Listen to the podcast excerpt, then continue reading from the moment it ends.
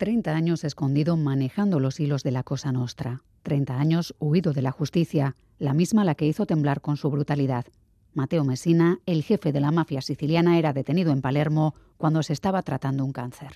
¿Cómo te llamas? L'ho detto? L'ho detto, Matteo Messina. Soy Miriam Duque, la encargada de abriros esta Gambara Negra, un podcast de crónica negra en el que hacemos que ciencia, especialistas y pruebas hablen más que nosotros para recomponer la actualidad y tratar de entender la mente de quienes se escoran al lado oscuro.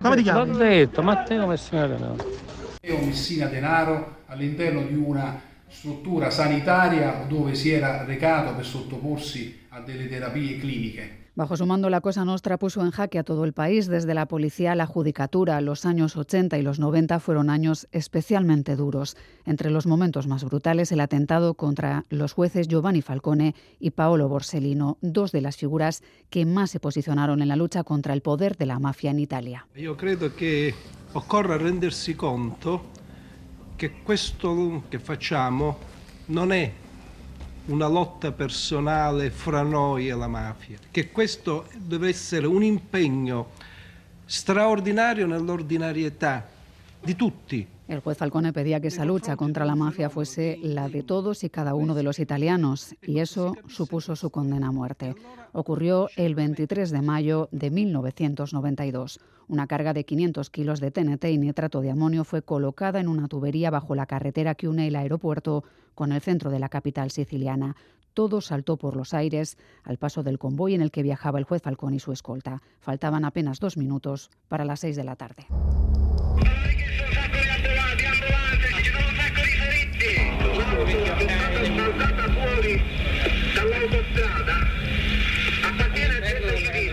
La mafia había asesinado al juez Falcone que viajaba junto con su esposa y tres miembros de su escolta. La explosión fue tan violenta que se formó un gran cráter de un metro de profundidad.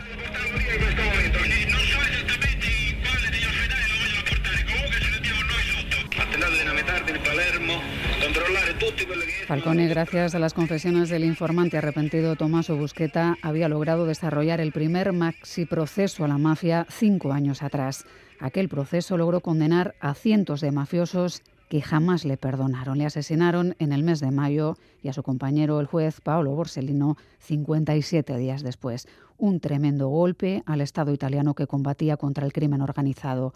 Pero fue tal el impacto de sus asesinatos ordenados por la Cosa Nostra que la onda expansiva del rechazo comenzó a extenderse entre la sociedad italiana en general y en la siciliana en particular.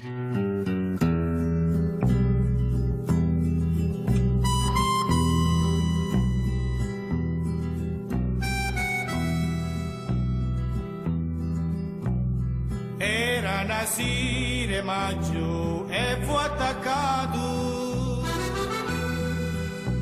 O primo giorno che mi fece Mateo Messina, uno de los hombres más peligrosos de Italia y posiblemente de Europa, ha estado viviendo a unos pocos kilómetros de su pueblo natal. En su domicilio encontraron perfumes y ropa cara, muebles de lujo, pero todo muy muy lejos de cómo imaginábamos la vida del peligroso Mateo Messina Denaro, el último capo de la antigua mafia, la que seguía dando órdenes en trocitos de papel, los denominados pizzini. En estos tiempos de ciberguerras y mensajes encriptados, él se mantuvo en el ámbito de la amenaza más artesanal. Su detención ha sido anunciada al mundo como un gran éxito policial, aunque algunas voces aseguran que estamos ante una entrega negociada que se ha hecho pasar por un gran operativo policial. Salvatore Vallardo, un arrepentido, concedía ya hace meses una entrevista en la que hipotetizaba con un Mesina enfermo que podría querer entregarse a condición de que no se persiguiese a su familia. E quando avverrebbe questo ipotetico arresto di Matteo Messina Denaro? Giletti, ci sono delle date che parlano, non è che il Baiardo si sta inventando. Eh, ma lei aveva detto che quando allo Stato farà comodo, oppure lui non Questo servirà l'avevo più. già detto in tempi non sospetti. eh, e nel- verrà preso. È arrivato questo periodo, questo momento forse? Presumo, presumo di sì, Ed è intrecciato con lo stativo? presumo di sì. Certo. Sono quelle trattative che tu nella cosa mia, nella cosa... presumo che siano così, come sono state negli anni addietro. abbiamo un esempio, eh, non è che...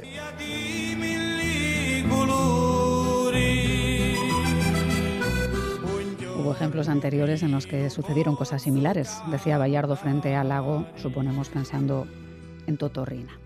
Mateo Reyes Italiano es profesor de Historia en la Universidad Rey Juan Carlos, imparte clase en el Máster Universitario en Análisis y Prevención del Terrorismo y es autor del libro No quieren cambiar sobre los códigos de la mafia y su organización.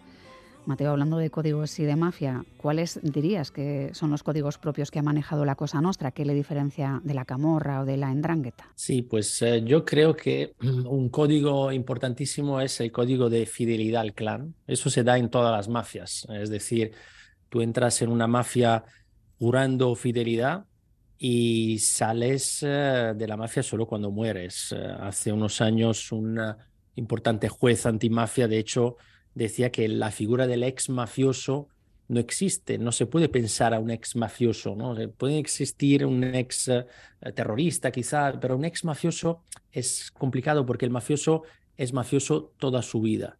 Y luego, pues las grandes diferencias, digamos, entre las eh, principales mafias italianas, que yo definiría como Cosa Nostra, Camorra y Ndrangheta, aunque es verdad que hay otras, eh, pero bueno, pues de menor entidad, eh, digamos que mm, Cosa Nostra y Camorra son organizaciones más bien clánicas, eh, están basadas en, en, clanes y no en vínculos de sangre como eh, por otra parte está organizada la, la mafia calabresa, la andrangheta.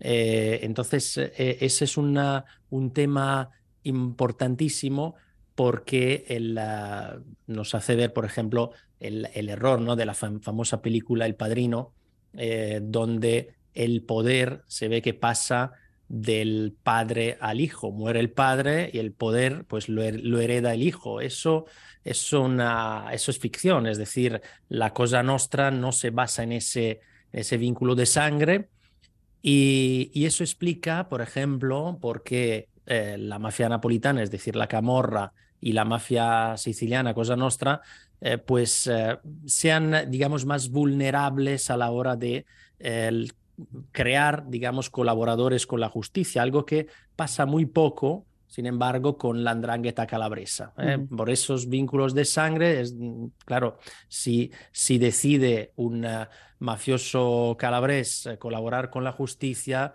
tiene que tener en cuenta de que tiene que traicionar Hmm. a, un, bre- a un miembro de su familia, con lo cual eso es algo que se da eh, muy poco en ese tipo de mafia, pero se da y se ha dado históricamente mucho más en la Camorra y en Cosa Nostra. Mateo, se ha hablado mucho estos días también de los Pizzini. Mm, En la era de los mensajes encriptados, de la ciberseguridad, eh, parece que Mateo Messina todavía transmitía sus órdenes en, en pequeños fragmentos de papel. ¿Esto era así? Eh, pues eso es lo que efectivamente se dice, ¿no? Eh, sabemos perfectamente que los dos anteriores grandes jefes de la mafia, Totorrina, detenido además en el año 1993, es decir, justo hace 30 años, y el siguiente, Bernardo Provenzano, detenido en 2006, sí que utilizaban muy a menudo los pizzini, eran de otra generación, habían nacido en el año 30 y 32. Mateo Messina Denaro nace en el 62. Es de otra generación, pero es verdad que eh, luego, eh, obviamente, se analizará eh, mucho más en los días siguientes, eh, pero eh, lo que sabemos es que efectivamente ese método de los pizzini, es decir, ese método de escribir mensajes importantes en papelitos de papel que luego pasan de mano en mano y que son, por lo tanto, muy difíciles de ser interceptados, porque si la policía pues, um, llega a detener a un mafioso que lleva consigo un pizzino, es muy, muy fácil tragar el pizzino, con lo cual, pues eh, sabemos que Mateo Messina Denaro sí que, eh, digamos, mm, comunicaba de esta forma dentro de la mafia, pero también sabemos si le encontraron dos móviles, es decir, eh, no es un digamos, un mafioso 100% del siglo, Hmm. del siglo XX, sino que ha ido evolucionando, pero es verdad que eh, con la mafia comunicaba de una manera, en la vida normal y real, pues era una persona que comunicaba como comunicamos todos. La religión ha tenido mucha importancia en mafias como la Cosa Nostra a lo largo de su historia, pero curiosamente Messina, el último capo, se declaraba ateo, o, eso ha trascendido. No sé si te extraña o, también es el signo de los tiempos. Mm, Pues a mí no me extraña mucho porque en el fondo el sentimiento religioso eh, creo que ha tenido mucho cuento dentro de la mafia. Eh, no olvidemos que, por ejemplo, en los años 80, el gran colaborador con la justicia, que además citaste antes, eh, Tommaso Buscetta, eh, no era nada religioso y tampoco su vida era una vida, digamos, eh, muy afín a una vida muy cristiana. Eh, Hmm. Tenía, vamos, divorció, tenía amantes, tenía una, una vida bastante desordenada. Entonces, eh, Mateo Messina Denaro, que no fuera muy religioso, no me extraña mucho.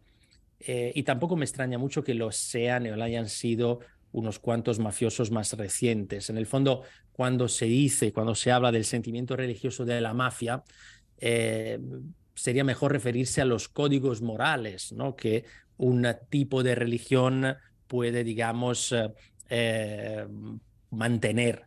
Es importantísimo para la mafia que se mantenga una estructura rígida. Entonces está claro que desde un punto de vista moral, la idea de que un mafioso tenga un amante no es un problema moral en sí, sino que es un problema de estructura interna, es una, una, una problema de solidez interna. Un amante eh, no forma parte de un clan, eh, del clan mismo, con lo cual puede ser un peligro. Hmm. Eh, y la esposa, además, si se entera de que el marido tiene un amante, también puede ser un peligro. Con lo cual es más bien una, una manera para preservar, digamos, la integridad. Esta, esta eh, Hmm. digamos, esta hiperreligión que a veces se habla de ella, pero que en el fondo no es tan así. Claro, eh, los códigos morales a veces parecen no, pues poco dados a, a poder utilizarse cuando uno se dedica a mover en el mercado droga u otro tipo de cuestiones, porque se sabía que se dedicaba a la cosa nuestra, que, que movía en el mercado para mantenerse activa y para conseguir dinero. Pues sí, efectivamente, droga es eh, uno- una de las actividades principales. La otra eh, es la protección privada, es decir, eh, la, la idea de eh, yo te protejo, que es la idea de una clásica extorsión en el fondo, te protejo de la competencia, sin embargo, te estoy protegiendo de, de mí, de mí mismo. Entonces, eh, la amenaza llega de la mafia y la solución te la proporciona la mafia. Es esa, esa idea, digamos, tremenda de la, del, mafioso, ¿no? Y por supuesto que todo ese dinero, el dinero de la extorsión, el dinero de las drogas y el dinero de otros eh, muchos tráficos ilegales, eh, pues hay que blanquearlo, con lo cual pues una de las principales actividades de las mafias, no solo de Cosa Nostra, pero sobre todo de Cosa Nostra es, es pues llevar a cabo el blanqueo de dinero, de dinero no solo eh, dentro de Italia, sino también en, en, otros, en otras zonas, en otros países. Y esta es una de las actividades, digamos, más importantes. Llevaba más de 30 años en busca y captura. Prá- Prácticamente ha sido una obsesión para el Estado italiano dar con él. Se dice también que el poder lo otorga eh, el control del territorio. Ha sido esta una de las máximas de la mafia. ¿Te ha parecido previsible que hubiera estado trabajando y viviendo todo este tiempo tan cerca de su casa en Castelvetrano? Pues eh, es, eh, es sorprendente y, y la verdad que, mm, bueno, si vemos un poco la, la historia de la mafia, veremos que en el 93, cuando se detiene a Reina, lo detienen en Palermo, cuando en 2006 detienen a Provenzano, lo detienen en Corleone. Es decir, que los últimos dos grandes jefes de la mafia fueron, eh, fueron detenidos Mm. en, eh, ahí, en Sicilia. Entonces, mm, digamos que tiene que hacer sonrojar, digamos, eh, pues eh, unos cuantos en Italia, pero también es cierto que en el pasado esto ya se, se produjo. Y el Claro. control territorial, pues claramente es fundamental. Es fundamental para que el, mafioso eh, logre una protección. eh, el control territorial puede llegar del poder político, eh, y pues también de la denominada zona gris, es decir, de aquella parte de la población que de alguna manera favorece al el poder mafioso, por lo menos eh, no, no intenta eh, enfrentarse a él y pues muy a menudo mira hacia el otro lado. Mm, Mateo, no sé si uno se esconde sin apenas moverse de la zona que le vio nacer, arropado por sus fieles o gracias al silencio, al miedo a hablar de vecinos y vecinas, si la omertá sigue existiendo y eso ha permitido precisamente que Mateo Messina Denaro se haya mantenido, bueno, pues eh, escondido a la vista de todos. Pues sí, la ley del silencio, la omerta es importante porque se basa en un concepto fundamental que es el miedo. Que no es solo el miedo a que te maten, obviamente el miedo a que te maten es el miedo máximo, pero también hay otros tipos de miedos. Uno, un miedo importante es el miedo a la exclusión social, es decir, eh, no quiero que se me tilde de soplón eh, porque eso generaría pues eh, un drama en, en, mí y en mi familia. Entonces, pues empezarían a aislarme del pueblo, por ejemplo, a aislarme del barrio, nadie vendría a tomar café en mi cafetería si tengo una cafetería, es decir, me van a hacer el vacío. Entonces, una muerte social. ¿no? Claro, la muerte social es fundamental para entender este, bueno, todo el crimen organizado, pero la mafia es fundamental. ¿Es creíble que realmente la detención de Mateo Messina Denaro haya sido fruto de una larga operación policial? O, puede que tengan razón quienes, como Salvatore Bayardo, un arrepentido de la mafia, apuntaba y hace meses que esto es algo pactado entre ambos porque al Estado le interesa, considera que es el momento y Mateo se está tratando un cáncer y pide que se tenga bueno, pues cierto trato correcto a su familia y él se entrega? Pues este es un tema, mm, la verdad que mm, me gustaría poder contestar, Hmm. pero mm, saber 100% lo que ha pasado y qué está pasando es muy complicado. Yo escuché esta, la entrevista a Salvatore Bayardo, pero eh, que yo creo que salió eh, hace poco, creo que en noviembre. Sí. Eh, y bueno, pues evidentemente en las redes sociales esta entrevista está, está girando muchísimo, se está escuchando mucho en estos días. Eh, ahora, decir qué hay de verdadero, pues eh, es complicado. Es Mm. verdad que la coincidencia es eh, por lo menos peculiar. Sí. Han pasado 30 años, eh, ha estado 30 años huido. En ese tiempo, bueno, pues ha seguido moviendo los hilos de la Cosa Nostra, una organización especialmente violenta y dura en los años 80, en los 90. ¿Sigue siendo peligrosa? Porque, claro, el mundo ahora se pregunta o nos preguntamos, Mateo, si habrá relevo al frente de la Cosa Nostra o si se ha capturado al último de los corleoneses. Pues el- yo creo que sí, el último de los coroneses sí, pero el último de los mafiosos no. Este es Mm. el gran problema. ¿Por qué? Porque en el, en el fondo la mafia italiana empezó una guerra eh, justamente entre corleoneses, una mafia, digamos, más rural, eh, más periférica, y los palermitanos. Los palermitanos, una mafia urbana, una mafia más elitista, el verdadero mafioso en los años anteriores siempre se consideraba que tenía que ser de Palermo y sin embargo en los años 80 palermitanos y corleoneses se enfrentan y los corleoneses ganan. Ganan como a través de una guerra, ma- matando básicamente.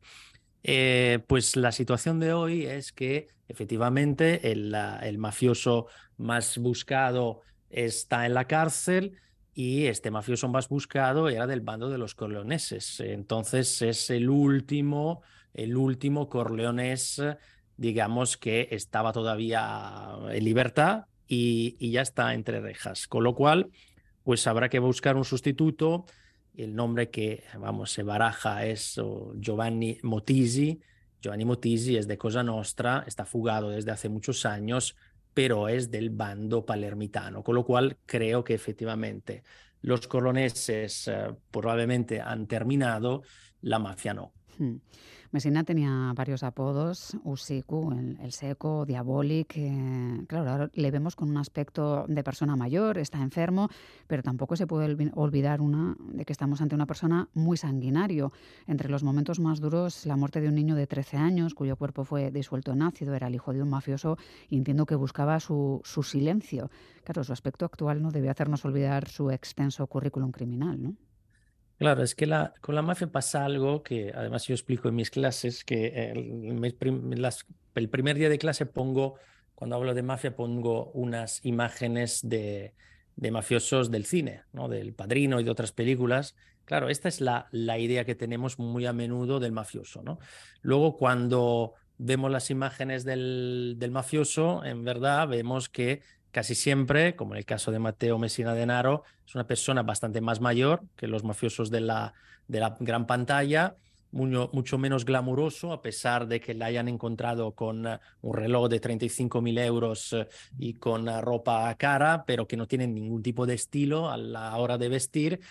Y, eh, y claro, no tenemos que olvidarnos de que detrás de esa persona que pues tiene ya más de 60 años o en casos anteriores que los antiguos, los anteriores jefes de la mafia fueron de, um, encarcelados con más de 70 años, no, no hay un uh, abuelo tranquilo y amable, hmm. sino que hay una persona como esta, que efectivamente, como bien dices, entre otras cosas, además de estar entre los que mataron a los jueces Falcone y Borsellino y de matar a muchísimas personas, secuestró al niño, al hijo de una de un colaborador con la justicia, lo, de, lo, mantuvo secuestrado durante 799 días, que se dice pronto, lo estrangularon y eh, su cuerpo fue, fue, disuelto en ácido, con lo cual, pues eh, esta es una de las múltiples cosas que hizo esta persona. Hmm.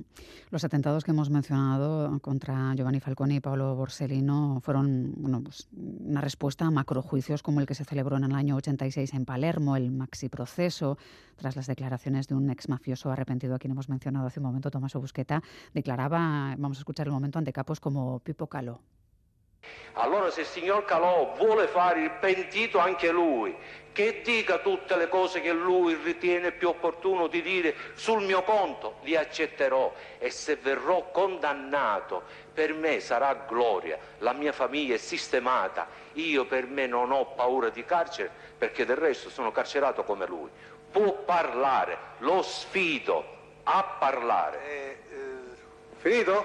Finito. Intanto eh, pentito perché hai cose da pentirti e allora ti stai pentendo tu. Perché io cose da pentirmi naturalmente no, no, pues un fragmento, Mateo, de un careo que fue muy largo, muy tenso entre ambos e impresiona además repasar las imágenes de, de, aquel juicio con centenares de acusados de pertenencia a la mafia entre rejas, siguiendo el proceso.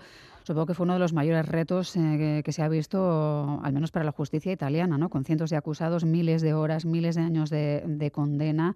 Fue tremendo. Pues efectivamente, fue el reto, yo creo que desde un punto de vista de la justicia italiana, el más importante de siempre.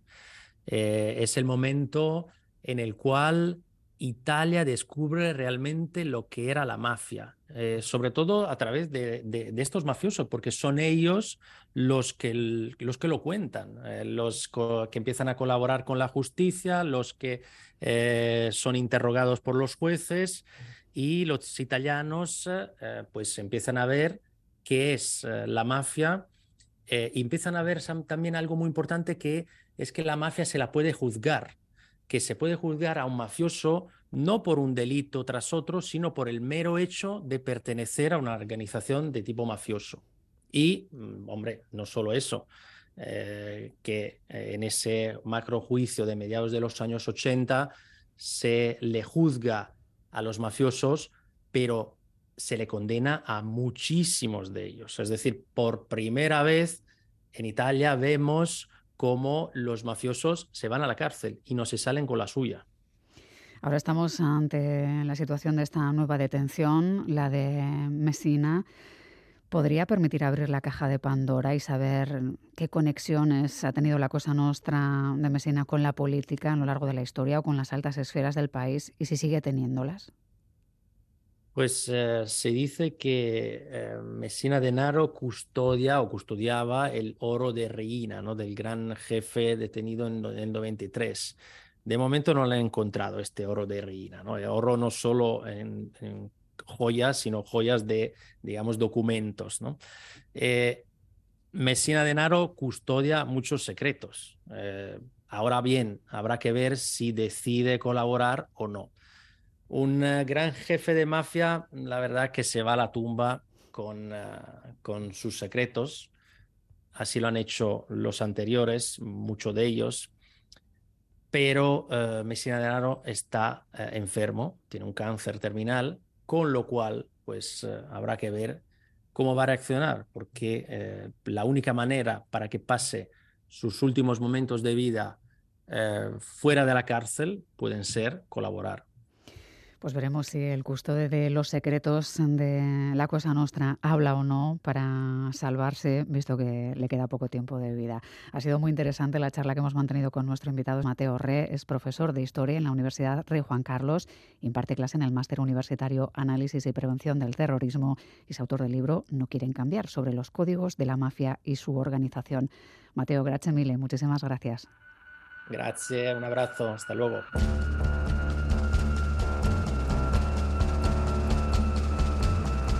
Gambara Negra, el podcast de crónica negra e investigación de EITV Podcast.